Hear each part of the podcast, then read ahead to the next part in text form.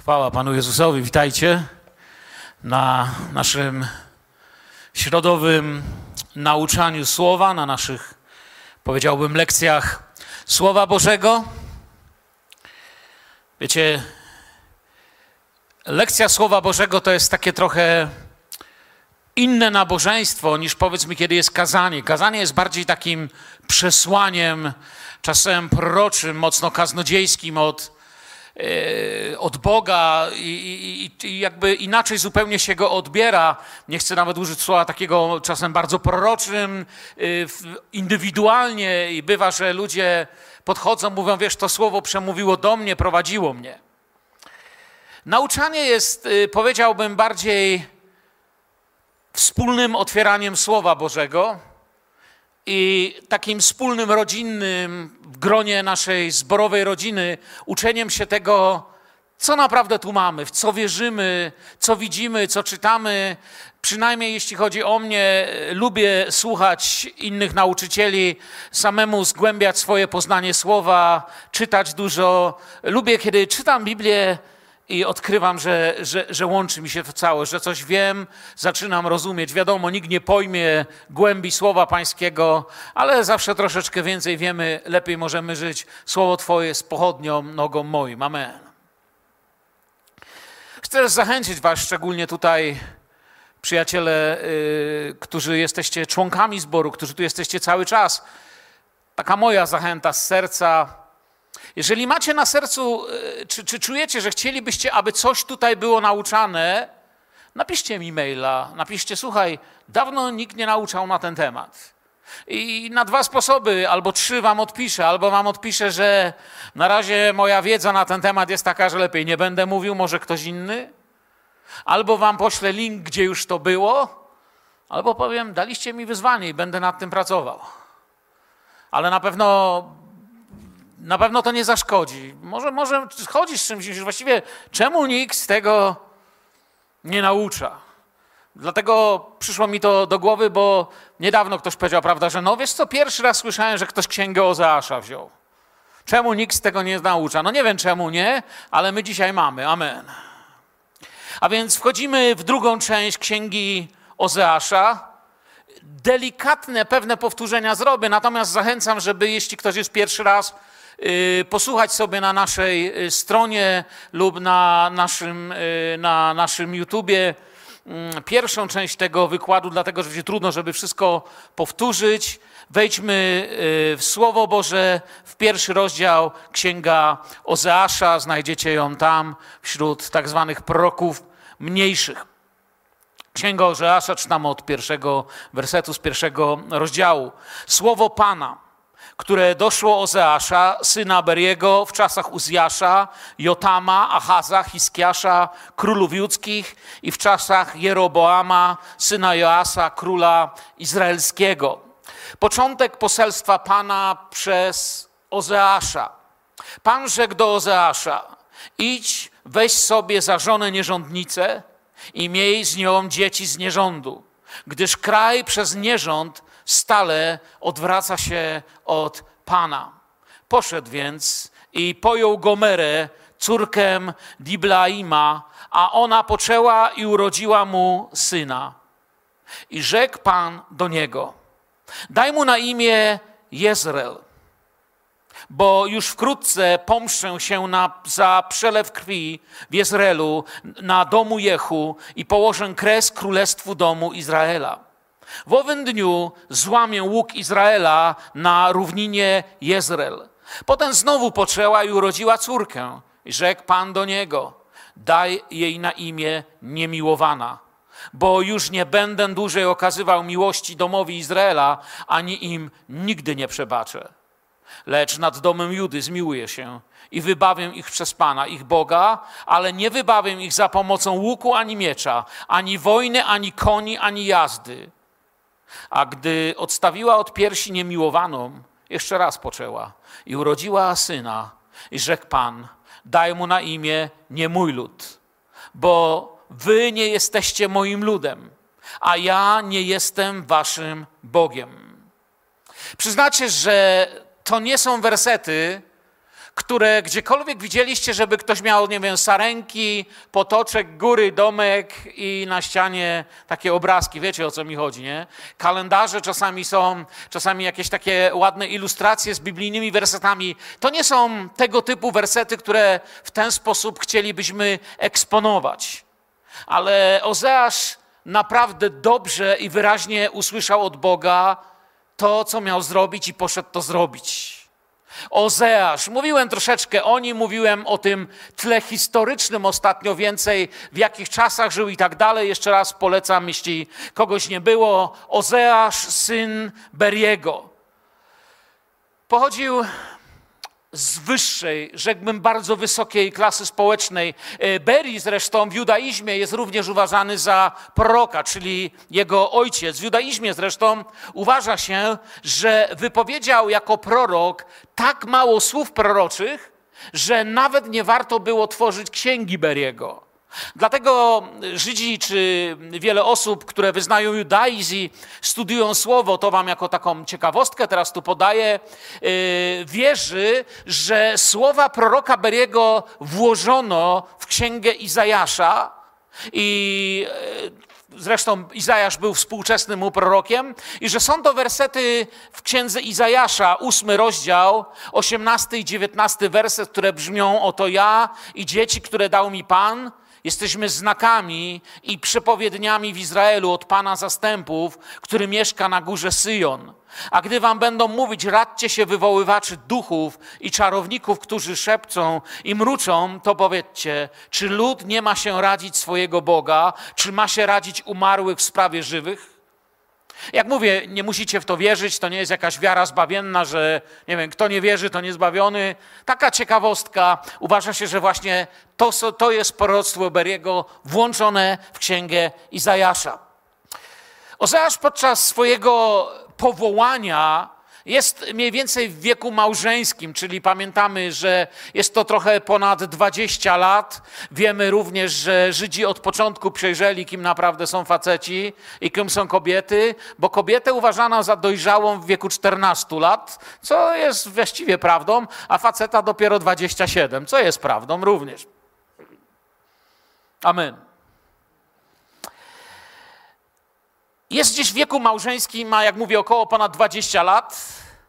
Niektórzy uważają, że Ozeasz był z zawodu piekarzem, dlatego że w swojej księdze dość fachowo odnosi się do tego zawodu w tamtym okresie, w siódmym rozdziale swojej księgi. Nie musicie tego również szukać. Taka ciekawostka. Styl Ozeasza natomiast pokazuje wysoką kulturę proroka, wielką elegancję i celowo dobrane mocne słowa. Talmud Uważa go za jednego z największych proroków, chociaż my mówimy o nim mały prorok, ale pamiętajmy, że kiedy mówimy mali czy mniejsi i wielcy prorocy, nie mówimy o ważności przesłania, a o objętości księgi. Wiadomo, że Izajasz, Jeremiasz, Ezechiel to, jest, to są duże księgi, prawda? Tam Amos, czy właśnie Ozeasz, to są takie malutkie księgi, czy Sofoniasz, nie? czasami jeden rozdział gdzieś, wiecie, Ageusz czy i tak dalej, ale ci prorocy nie są mniejsi w sensie, że są nieważni. Mniejsi z powodu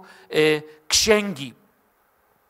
Talmud, jak mówię, uważał go za jednego z największych proroków swojego pokolenia.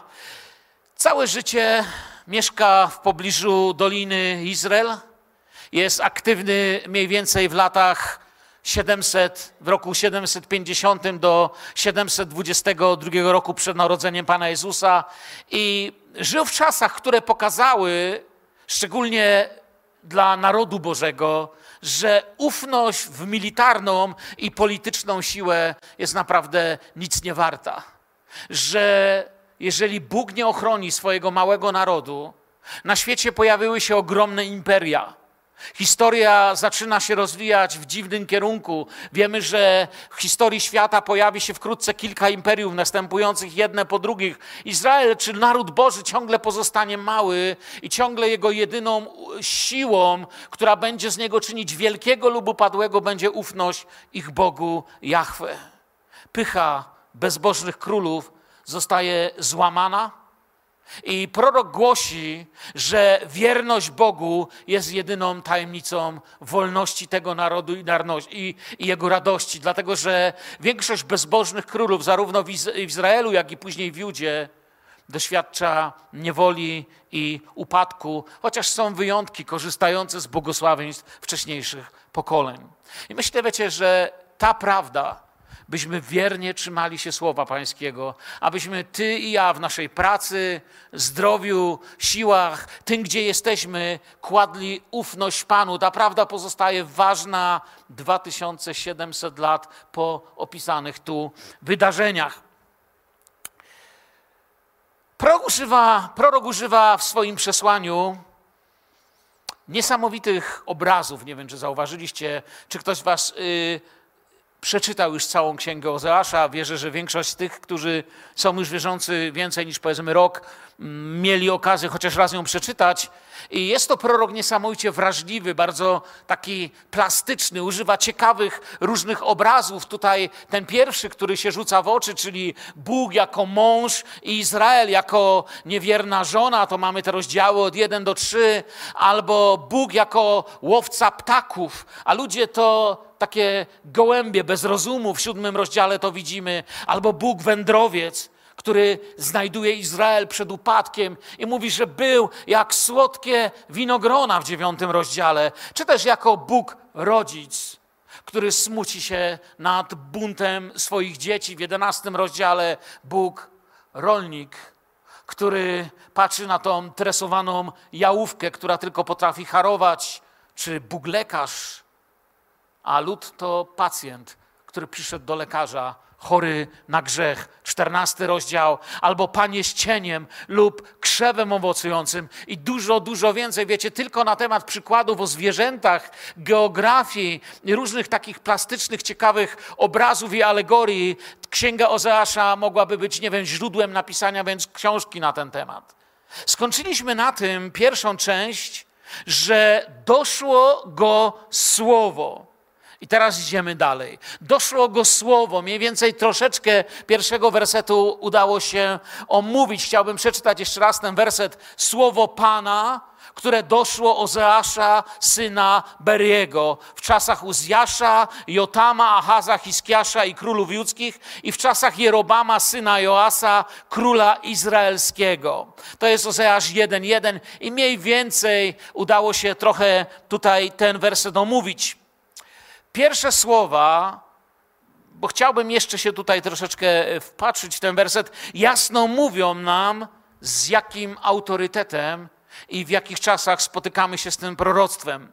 Wymienieni władcy sugerują nam, że księga dotyczy północnego królestwa, ale redagowana jest w Judzie.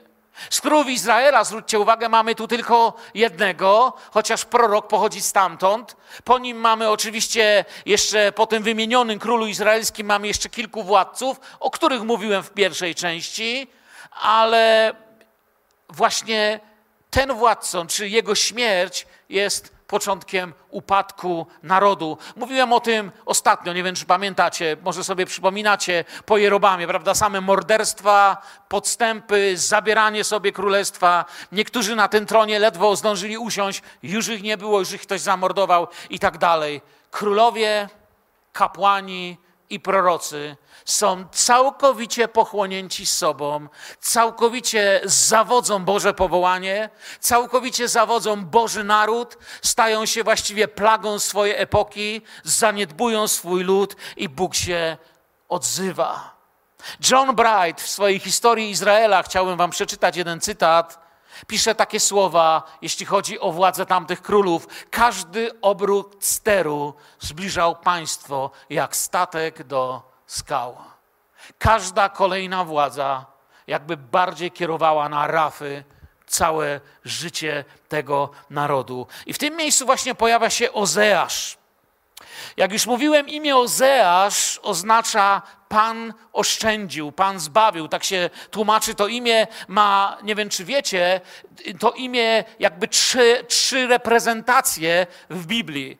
To znaczy ma to samo znaczenie, ale wymawiamy je na trzy różne sposoby. Czyli możemy powiedzieć Ozeasz, możemy powiedzieć Jozue i możemy powiedzieć Jezus. Inaczej mówimy, znaczenie to same. Jest to jedno i to samo imię, tylko brzmi inaczej. Tak to mogę teraz najprościej powiedzieć. Oczywiście fachowcy od języka jeszcze więcej nam by tutaj powiedzieli, ale też nie o to nam dzisiaj chodzi. Ozeasz jest bardzo, bardzo wrażliwym człowiekiem. To też mówiłem, jeśli chodzi o te zwierzęta i tak dalej ale też doświadcza, wiecie, tacy ludzie, którzy są wrażliwi, którzy wszystko tak plastycznie widzą, również bardzo cierpią. Doświadcza z całą siłą bólu tego Bożego rozdartego serca. Bóg mu objawia i widzi, że ten człowiek potrafi to przyjąć, potrafi to przekazać, potrafi powiedzieć do tego narodu Bożego: Słuchajcie, ludu Boży, moje serce pęka nad wami z rozpaczy. Jest uznany przez sobie współczesnych ludzi, natomiast za szaleńca, który stracił rozum. Jak już mówiłem, judaizm uznaje go za jednego z wielkich proroków. W sensie nie księgi, ale przesłania. Za kogoś bardzo ważnego w historii narodu. Ale jemu współcześni, co nas nie za bardzo chyba dziwi, uznają go za człowieka, który stracił rozum, prawdopodobnie wariata. Niesamowicie napisał o nim Abraham Joshua Heschel w takiej książce Prorocy. Mam tą książkę, powiem wam, niesamowita, mocna książka. Napisał takie słowa: Amos skupia się na tym, co Bóg zrobił. Ozeasz nad tym, co Bóg czuł. Ozeasz potrafi to odebrać, co Bóg czuł. Jego ból jest jak ból kochającego męża, który odkrył, że jest zdradzany. Czy powiedziałbym bardziej na współczesnym tutaj wyrażeniem, jak ból małżonka, który kocha i odkrywa, że jest zdradzany. Jak ból rodzica rozczarowanego latami wychowania, kochania, nauczania swojego dziecka dobra i nagle widzi, że jego dziecko wybiera zło, wybiera jako zło coś, co go cieszy w swoim życiu. Boże serce zachowuje się tak, jak zachowuje się serce rodzica, jak zachowuje się serce zakochanego, jest zranione, jest, jest zasmucone, jest pełne łez. Popatrzmy jeszcze znowu, bo już to robiliśmy w pierwszej części, za kulisy księgi trochę. Bo jeszcze raz zadać chciałbym takie pytanie. Historycznie na nie już odpowiedziałem, ale dzisiaj chciałbym się skupić na dzieciach proroka i na tym duchowym przesłaniu. Co było powodem, że ktoś taki jak Ozeasz musiał powstać i wygłosić takie przesłanie, że ktoś musiał wyjść na ulicę i takie rzeczy mówić. Dlaczego Boży lud odwraca się od Boga po tym, gdy staje się silny, bogaty, żyje w dostatku i bezpieczeństwie na obiecanej ziemi. I ciągle i ciągle, jakby też to w historii widzimy, nie tylko Izraela, ale nawet historii czasami naszych własnych doświadczeń, znajomych, rodzin, że kiedy człowiek w końcu osiąga, kiedy w końcu ma już stanowisko, pieniądze i dom, nagle się okazuje, że już nie jest tym, kim był kiedyś. Nagle okazuje się, że, że gdzieś utracił po drodze swoją prawość i uczciwość. Gdy zdobywali Kanaan, nie oczyścili swojej ziemi ze wszystkich ludów zamieszkujących ten rejon, tak jak Bóg im powiedział, mieli te ludy wypędzić, mieli tą ziemię oczyścić, tak przykazał im Pan, ale oni mieli lepsze plany. Przeciwnie, zamieszkali sobie pośród tych ludów i powoli zaczęli akceptować ich metody, wierzenia, to im się podobało, tamto im się podobało, wiecie, brali sobie to, co tamte narody robiły i zaczynali odkrywać, że to właściwie nie jest takie złe, że całkiem fajnie mieć różnego rodzaju pijackie uczty, nocne tańce, kolejne wydarzenia, którymi pocieszali się poganie. I myślę, że warto też popatrzeć na naszą postawę i wiarę, byśmy nie odkryli, że w miarę jak Pan Bóg odnawia i odbudował nasze życie, że z wierzących, którzy zakochani w Chrystusie, poszliśmy za Nim, nie chcąc stać się radykałami, staraliśmy się liberałami. Wiecie, zarówno radykalny, jak i liberalny chrześcijanin mija się z Bożym celem, z tym, co ma Bóg. Chrześcijanin ma być posłuszny miłości, która ma reprezentować Jezusa. I to wszystko inne musi się temu podporządkować. Czasami dochodzimy do wniosku, że niektóre rzeczy wcale już nie są takie szkodliwe, nie jest tak źle. I zaczynamy podobnie zachowywać jak ten naród. Źli bogowie Kanaanu stają się w ich oczach kimś, kto jest odpowiedzialny za deszcz, zbiory, powodzenie. Mają pewną logikę, przede wszystkim nie żądają tyle, co Pan. Pan żąda pewnej jakości życia, pewnej klasy, pewnej uczciwości, pewnej bycia w jakiś sposób przed nim i przed bliźnim przeźroczystym. Bóstwa Kanaanu tego nie żądają. Dlaczego, wiecie, człowiek kocha bałwochwalstwo? Bo można przyjść przed bałwana, zachowywać się religijnie i można wyjść z pomieszczenia, gdzie jest bałwan i zachowywać się po świecku. Natomiast osoba, która odkrywa Boga żywego, zaczyna pojmować, że On jest wszędzie. Pod prysznicem, w sypialni, w zakładzie, w szkole, na ulicy w samochodzie. Psalmista w pewnym psalmie, nie będziemy tego czytać, mówi teraz, kiedy mówi o twórcach i czcicielach bałwanów, mówi, że ci, którzy to robią, staną się podobni do nich.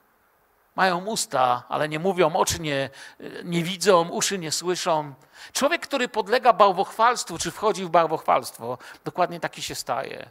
Tam, gdzie jest bałwan, jest ziemia święta, tam, gdzie go nie ma, rób co chcesz. I trochę tak zaczyna się w ludzie Bożym dziać. Ludzie zaczęli brać udział w praktykach mających ułaskawić te bóstwa.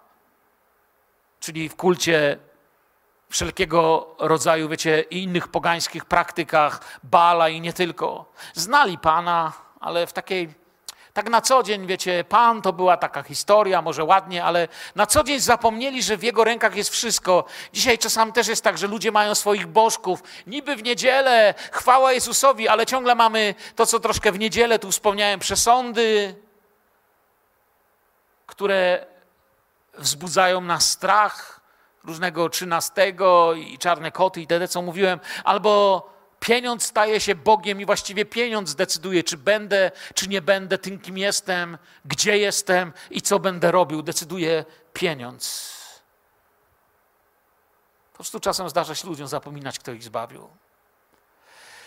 Kto czytał i przyglądał się tej historii Izraela nie tylko w ten duchowy czy, czy, czy, historyczny sposób, który patrzyłem ostatnio, ale i duchowy, widzimy, że do króla Dawida wszystko jakby się rozwija dobrze, chociaż no są pewne upadki, człowiek się kształtuje, ale naród dochodzi do pewnej potęgi. Król w Psalmie 51 pokutując, również staje się człowiekiem świadomym swojej małości głosi, śpiewa o tym. Naród doświadcza Bożego błogosławieństwa. Przy Salomonie może budować świątynie, wchodzą w wspaniałe czasy, ale w czasach Ozeasza widać jakby to słońce Bożego błogosławieństwa powoli zachodzi nad tym narodem. Czasy Salomona są jeszcze dobre, ale nasienie zła tam właśnie zaczyna kiełkować. Powoli potęga i dobrobyt ludu Bożego zaczynają się rozlatywać. I właśnie w czasach Ozeasza ten rozpad zaczyna nabierać takiego tempa, że już jest widoczny. Wcześniej o tym mówiono, teraz zaczynają to powoli widzieć. Królowie północy, wspominałem, więc nie będę wracał, muszą płacić za swoją wolność. I ta duchowa rzeczywistość tutaj jest taka sama. Wiecie, to jest czasami tak, jak jest, nie wiem, spalaczem czy osobą, która pije póki ma wódkę w domu albo póki ma papierosy w kieszeni, to bardzo często usłyszycie, jak taka osoba mówi: Nie, nie, ja nie jestem uzależniony. Jakbym chciał, to w każdej chwili bym przestał. Wiele razy tak mi mówią. Ale zabierz mu to, on nie potrafi z domu bez tego wyjść. Jak ma, to się mądruje, że może. I troszeczkę tak było w tym czasie z tym narodem. Mieli jeszcze wszystko, więc uważali, że, że wiedzą, co robią, że mają wszystko pod kontrolą. Ale Asyria ani Egipt nie są dobrymi gwarantami wolności i dobrobytu. I Pan, który ich ukochał, zostaje zapomniany i powoli jest odrzucany. Staje się mniej realny niż obietnice ludzi. Nie dostają już słowa proroczego pochodzącego ze świątyni, nie dostają już słowa proroczego pochodzącego z serca proroków, którzy życzą od Pana, ale raczej mówią: No, wszystko będzie dobrze, bo faraon obiecał bo jakieś imperium obiecało, bo jakiś władca obiecał, bo dogadaliśmy się z tym czy z tamtym narodem. Jak to na przykład widzimy, nie wiem, w księdze, prawda, y, sędzi, y, przepraszam, w księdze królewskiej, y, gdzie, gdzie Hiskiasz zadowolony z siebie wpuszcza do skarbca niby to przyjaciół z Babilonu, mówi: Dogadaliśmy się, wszystko będzie dobrze nie wiedząc, że to właśnie Babilończycy w następnych pokoleniach zniszczą i zniewolą ten właśnie naród. Bóg jest Bogiem żywym. Bóg jest osobą i zaczyna wyrażać swój ból. I wtedy powstaje księga Ozeasza. Gdyby dać księdze Ozeasza inny tytuł, można by napisać Księga z bólu. Za każdym razem, kiedy mam tu stanąć przed wami, studiuję tą księgę, czytam ją jeszcze raz i jeszcze raz. Znowu przypomina mi się, że tak niedawno mówiłem o księdze pieśni nad pieśniami. Jeśli księgę pieśni nad pieśniami można było nazwać księga powstała, powstała z radości, miłości, to księgę Ozeasza właśnie można by nazwać księga powstała z pękniętego serca, z bólu serca, z zawiedzionej miłości. Gdy będziecie czytać księgę Izajasza, y, przepraszam, Ozeasza, gdy będziecie czytać Ozeasza, nie tylko to zauważycie, ale konstrukcja księgi jest ciekawa. Składa się jakby z takich dwóch głównych części. Z takiej, z takiej opowieści i z tego głównego proroctwa. Pierwsza to porównanie małżeństwa Ozeasza do relacji Boga z Izraelem, i to macie od pierwszego do trzeciego e, rozdziału, a potem od czwartego rozdziału już jest to przesłanie Słowa Bożego do tamtych ludzi do nas przez Ducha Świętego, do liderów Izraela, Judy, do każdego, kto chce posłuchać, co Bóg ma do powiedzenia. I słowa tego przesłania właśnie mówią o Bożym gniewie, o sądzie, ale też o Bożej łasce i miłosierdziu. O tym, jak Bóg w swoim sercu zmaga się, jak, jak patrzy. Wiecie, można bardzo w księdze Ozeasza zobaczyć miłość Bożą w działaniu, w tej prawdziwości, plastyczności. Wiecie, Bóg nie jest taką miłością z plastyku. Bóg cię kocha, zobacz, tam stoi, zawsze cię kocha. To nie jest Bóg z plastyku, co stoi i kocha cię. Ma tu napisane kocham cię, a ty masz napisane Jezus mnie kocha. Nie, to, to, to, ta księga pokazuje, że, że ta Boża miłość jest czynna, działająca, że ona przeżywa, że, że Jego oczy patrzą za tobą, kiedy wychodzisz, kiedy wchodzisz, kiedy idziesz, mówisz, myślisz, coś robisz. Pierwsze trzy rozdziały, więc to historia jego małżeństwa. Na tym się chcę skupić przede wszystkim i rodziny, a potem słowo prorocze.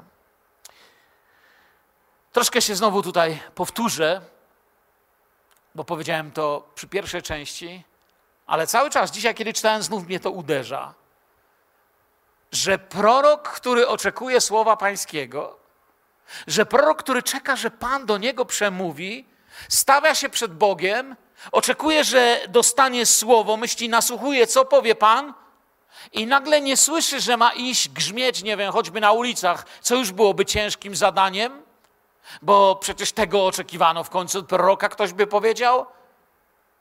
Ale okazuje się, że Bóg nie ma stałych form.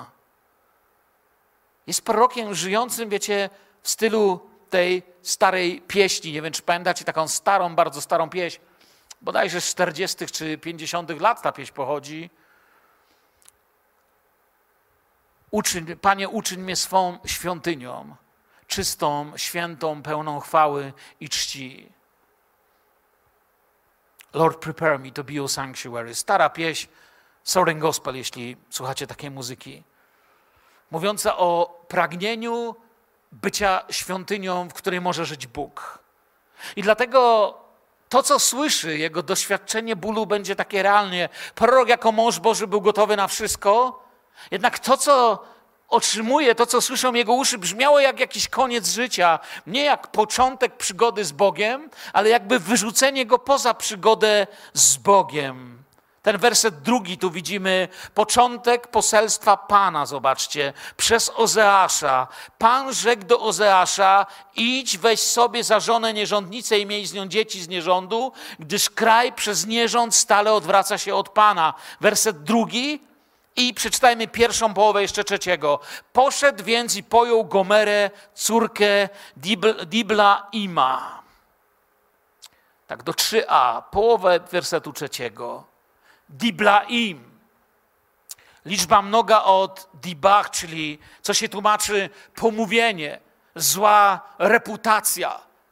Innymi słowami, bierze sobie osobę z patologicznej rodziny, gdzie nawet jego imię, jej ojca mówi o tym, jaka to jest patologia. Bóg chce nam pokazać wielką duchową prawdę, używając obrazu małżeństwa. Uczył nas małżeństwa małżeństwem, o kościele i o swoim ludzie w pieśni nad pieśniami.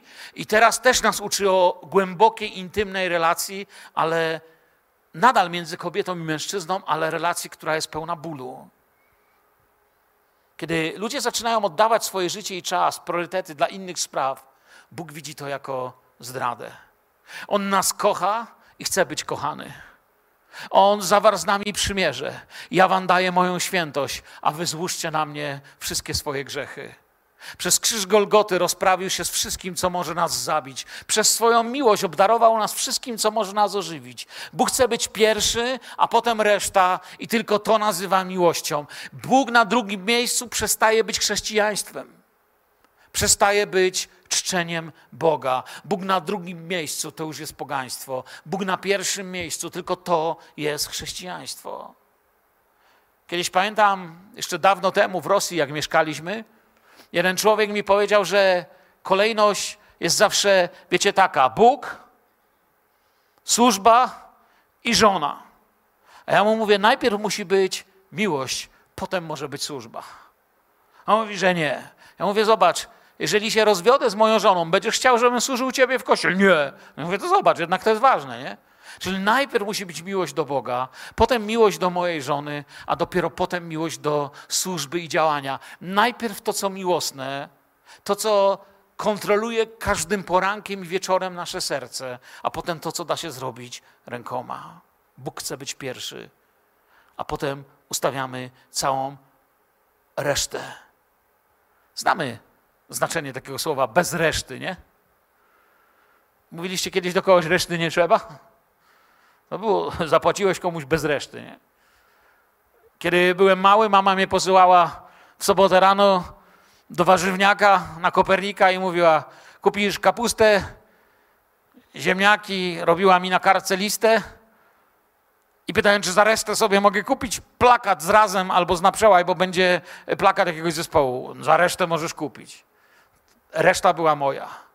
Kiedy było bez reszty, to nic mi nie zostawało. Rozumiecie słowo bez reszty? Bóg chce być kochany bez reszty. Nie ma czegoś takiego, że mówię, diabeł sobie może resztę zabrać. Nie, on nic nie może zabrać. Czyli żyjemy w czasach, kiedy wierność jest czymś śmiesznym. Opartym na zasadach, które ludzie ustalają sobie sami. Dlaczego ja mam być wierny komuś, kto nie jest? Dlaczego mam kochać kogoś, kto mnie nie kocha? Bóg mówi: upodabniajcie się do mnie, bądźcie naśladowcami Boga. Miłujcie nieprzyjaciół swoich, błogosławcie tych, którzy was przeklinają. Bądźcie czymś zupełnie odwrotnym w tym świecie. Kocham was, jesteście moim ludem i chcę, byście upodabniali się do mnie. I słowo proroka, czy słowo dla proroka, chcę tu powiedzieć, brzmi bardzo dosłownie i ma jakby dwa przesłania.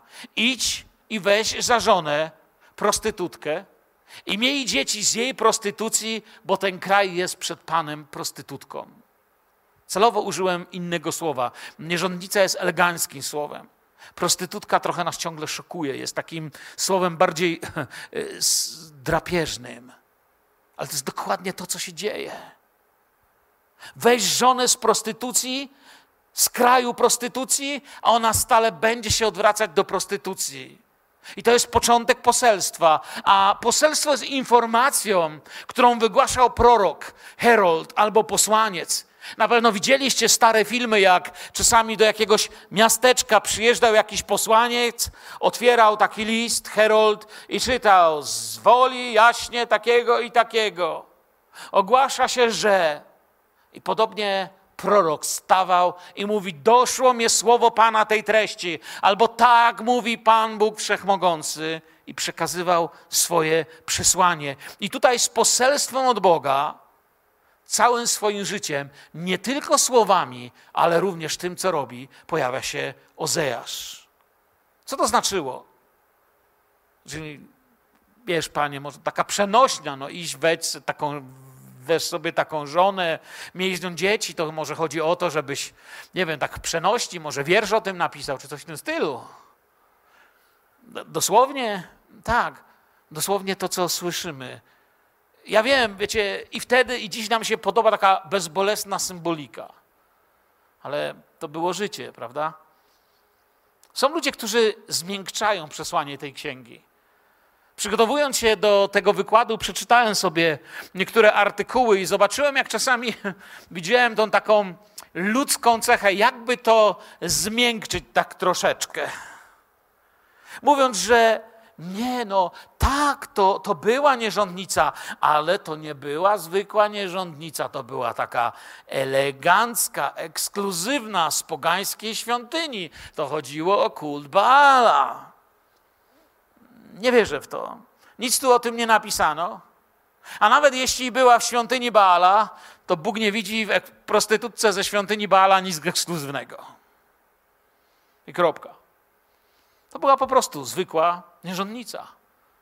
A historia ta ma pokazać Boży charakter i miłość, a nie brać w obronę prostytutkę. Nawet jeśli była luksusowa, luksus nie czyni grzechu lepszym. Nie wiem, który alkoholik jest gorszy? Ten, co się upił brandy za 180 zł za butelkę? Czy ten, który się upił jakąś tam wódką? Ja nie wiem, ile kosztuje wódka, ale na wiem, 10 złotych? Może więcej, nie wiem. Cieszę się, że nie wiem, chwała Bogu. Jak ktoś wie, niech lepiej nie mówi. Szkoda, że wiesz.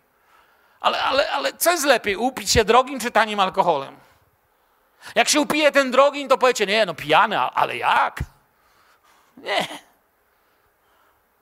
Jedno wiemy na pewno. Ozeasz bierze sobie żonę i z pewnością, żeby ten ślub się liczył, jeśli w ogóle można w tym wypadku tak się wyrazić, musiała obiecać Ozeaszowi wierność. Ale jak się za chwilę dowiemy, i to zawiodło. Jest pewna życiowa prawda,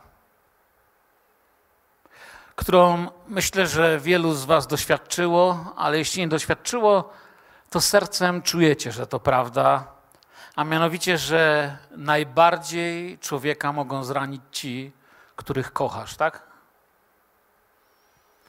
Wiecie, jeśli kogoś nie kocham, trudniej mnie zranić.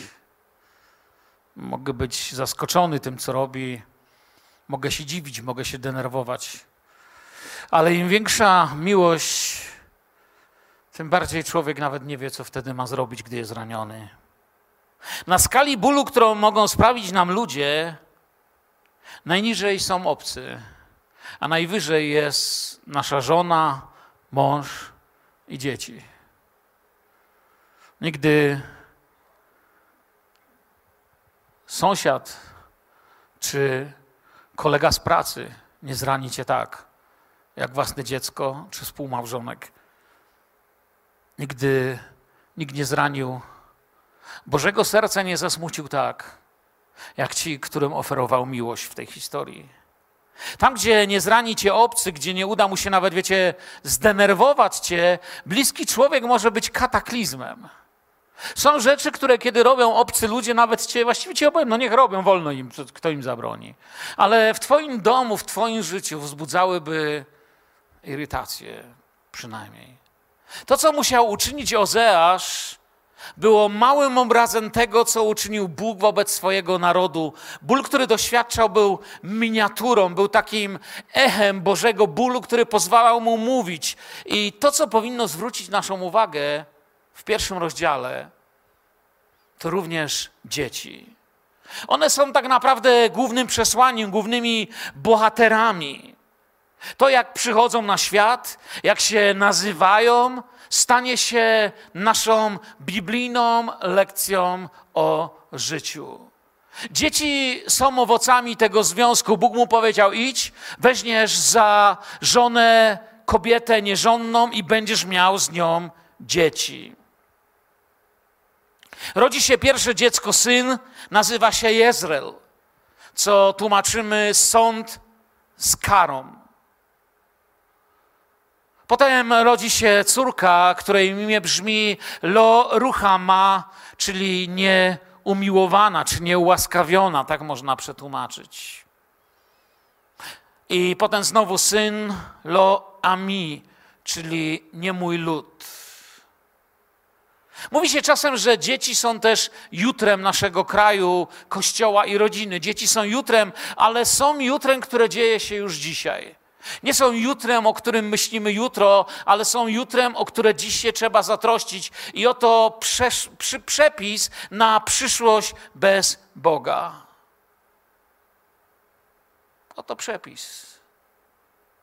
Księga ta jest jednak nie tylko opowieścią o Bożym gniewie i sądzie, jest też opowieścią o Bożej łasce. Ciekawe, co by powiedział Ozeasz, sobie pomyślałem, gdyby stał obok Pana Jezusa, podczas gdy przyprowadzono do niego kobietę przyłapaną na cudzołóstwie. Pamiętacie ten fragment z Ewangeliana? Nie będziemy go czytać, myślę, że go wszyscy znacie. Kiedy przytargali tą biedną kobietę do Jezusa, okrytą tylko jakimś kocykiem, bo tak jak ją wyciągnęli z łóżka czy z jakiegoś materaca, tak była, co złapała, tym się przykryła, rzucili ją na ziemię i do Jezusa, no i co ty na to powiesz? Mamy cię. Pamiętamy, Jezus zaczął rysować jakieś znaki na ziemi. Różne są tutaj teologiczne interpretacje tego, co rysował, od wzbudzających lekki uśmiech, że rysował strzałki w kierunku tych, którzy z nią spali, do bardzo poważnych, że pisał ich grzechy. Nie wiemy, w każdym razie było słychać jak bum, bum, bum, kamienie wypadały z ich rąk. I po chwili był tylko ona i on. Ale gdyby był obok Ozeasz, myślę, że położyłby swoją dłoń na ramieniu Jezusa i powiedziałby dziękuję. Wiem, jak ukochałeś, bo to przeżyłem. Bo jak pamiętamy, przywlekli tą kobietę do Jezusa, ale oczywiście, jak to w religii bywa, nie było faceta. Powinien być, jeśli już są tacy sprawiedliwi. Zgodnie z prawem, jego żona i dzieci nie powinny w ogóle żyć. Urodziła mu syna, lecz nie był zapowiedzią łatwego życia lub kimś, komu chce się przekazać cały swój dorobek. Trzeci werset, ta część B trzeciego wersetu, a ona poczęła i urodziła mu syna, i czwarty, i piąty może. I rzekł Pan do niego, daj mu na imię Jezreel, bo już wkrótce pomszczę się za przelew krwi w Jezreelu na domu Jehu i położę kres królestwu domu Izraela. W owym dniu złamie łuk Izraela na równinie Jezreel. Jego imię oznacza zapowiedź Bożego Sądu, ale nie tak się tłumaczy, ale tylko to oznacza, oznacza coś tu się stało strasznego. Wiecie co? Jezreel w sumie jest pięknym imieniem, ale brzmi dziś źle. Jezreel jest pięknym imieniem, bo tak naprawdę dosłownie oznaczałoby Bóg roślin. Jezreel. Ale to jest przesłanie Ozeasza. Dość już kłamstw, przelewania krwi i bałwochwalstwa. To jest przesłanie narodzin tego człowieka. Leży w kołysce małe niemowlę, a jego istnienie oskarża i zapowiada, że Bóg wszystko widzi i osądzi. Jezreel to w Biblii znane miasto. I przepiękna dolina w północnym królestwie w pobliżu Samarii. Ale co człowiek z tym zrobił? Tam Jehu zabił królów Izraela i Judy. Tam Jehu pokazał głowy siedmiu synów Ahaba. Tam je, pamiętamy Nabota z Izraelu, Nabota Izraelczyka. Oni też pamiętali. Tam zginęła Izabel, tam mordowano czcicieli Baala. Tam się człowiekowi podobało mordować bardziej niż trzeba było po trupach do władzy z religijnym zapałem bez Boga. I Boża obietnica zaczyna mówić: Ja tego tak nie zostawię, ludzie. Oto miasto Jezreel, znane, z kłamstwa, przemocy i przelewu krwi. Jak później ktoś będzie chciał, może sobie zobaczyć drugą królewską, dziewięć, dziesięć. Tam zobaczycie, co to za miejsce. My idziemy dalej. I tak się nazywa to dziecko Jezreel. Do II wojny światowej, do II wojny światowej, czyli do 1939 roku, gdybym mojego syna nazwał Oświęcim, albo moją córkę nazwał Hiroshima, to byłbym dziwakiem. Ale po 1945 roku to by było okrutne i nieprzyzwoite.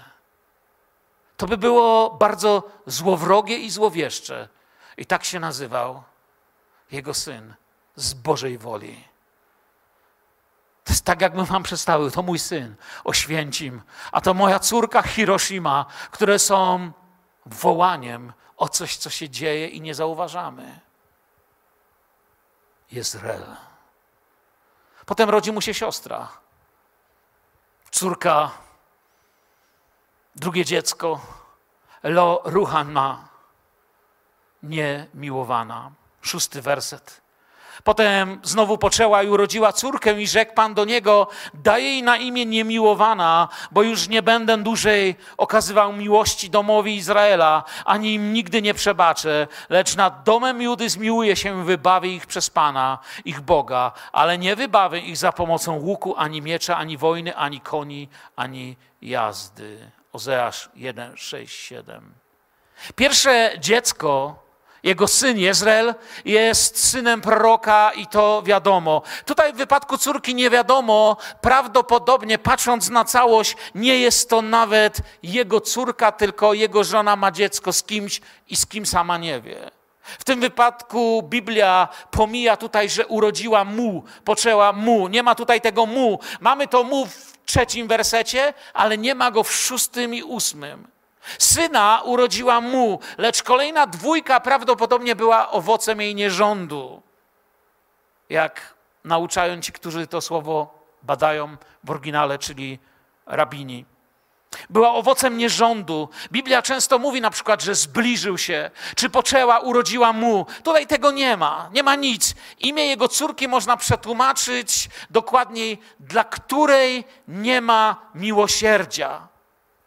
Ten przeczący przedrostek hebrajski zmienia dwa piękne słowa, które ukrywają się w znaczeniu tego imienia. Tam jest słowo współczucie, i na przykład możecie to zobaczyć w Michała 7:19 gdzieś tam przy okazji, jak będziecie chcieli, albo słowo miłosierdzie, to byście zobaczyli w Ozeasza 14:3. Ale tutaj z przodu jest to właśnie ten przedrostek nie.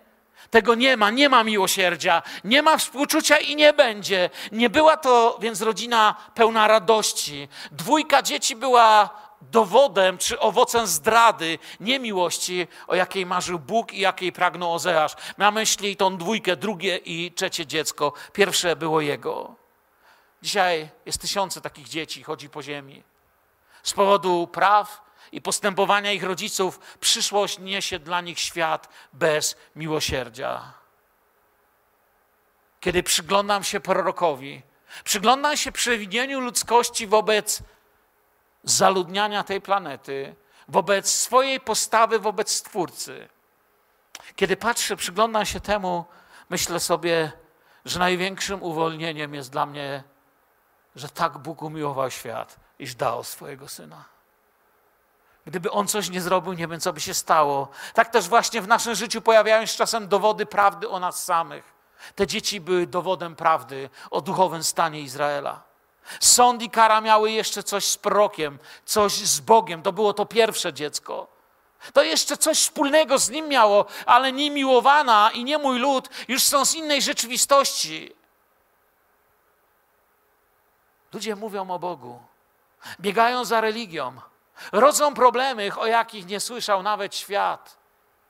Myślę, że wiele problemów, które my nosimy, są dziećmi naszego, wybaczcie za takie słowo, współżycia z nie z tym, kto trzeba. Kłamstwo jest dowodem współżycia z diabłem. Nie mówię teraz o współżyciu tym intymnym, seksualnym. Mówię o współżyciu życiowym, kiedy łączymy nasze myśli i nasze serce z nieprawdą, ze złym świadectwem, z tym, co nie trzeba, z tego rodzą się rzeczy, które potem oskarżają nas i idą za nami, nasze długi, nasze oszczerstwa, nasze straszne błędy. I gdyby czasami nie Bóg, gdyby nie te pełne nadziei słowa, które On wypowiada, że ja przywrócę wam plony lat, które pożarła szarancza, tylko On to może zrobić.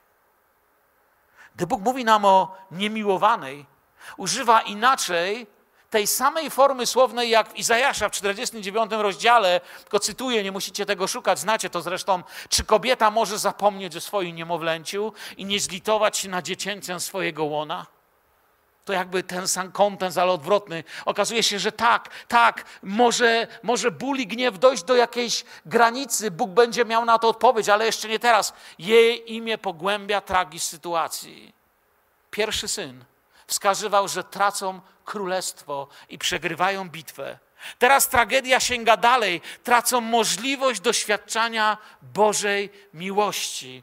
To jest dramat. To nie, że Bóg przestaje kochać. Bóg jest miłością i nigdy nie przestaje kochać, ale od Boga nie oddzielają nas metry, kilometry czy emocje. Od Boga oddziela nas grzech. Tracą jej, przesłanie jej życia jest: tracicie możliwość przyjmowania łaski.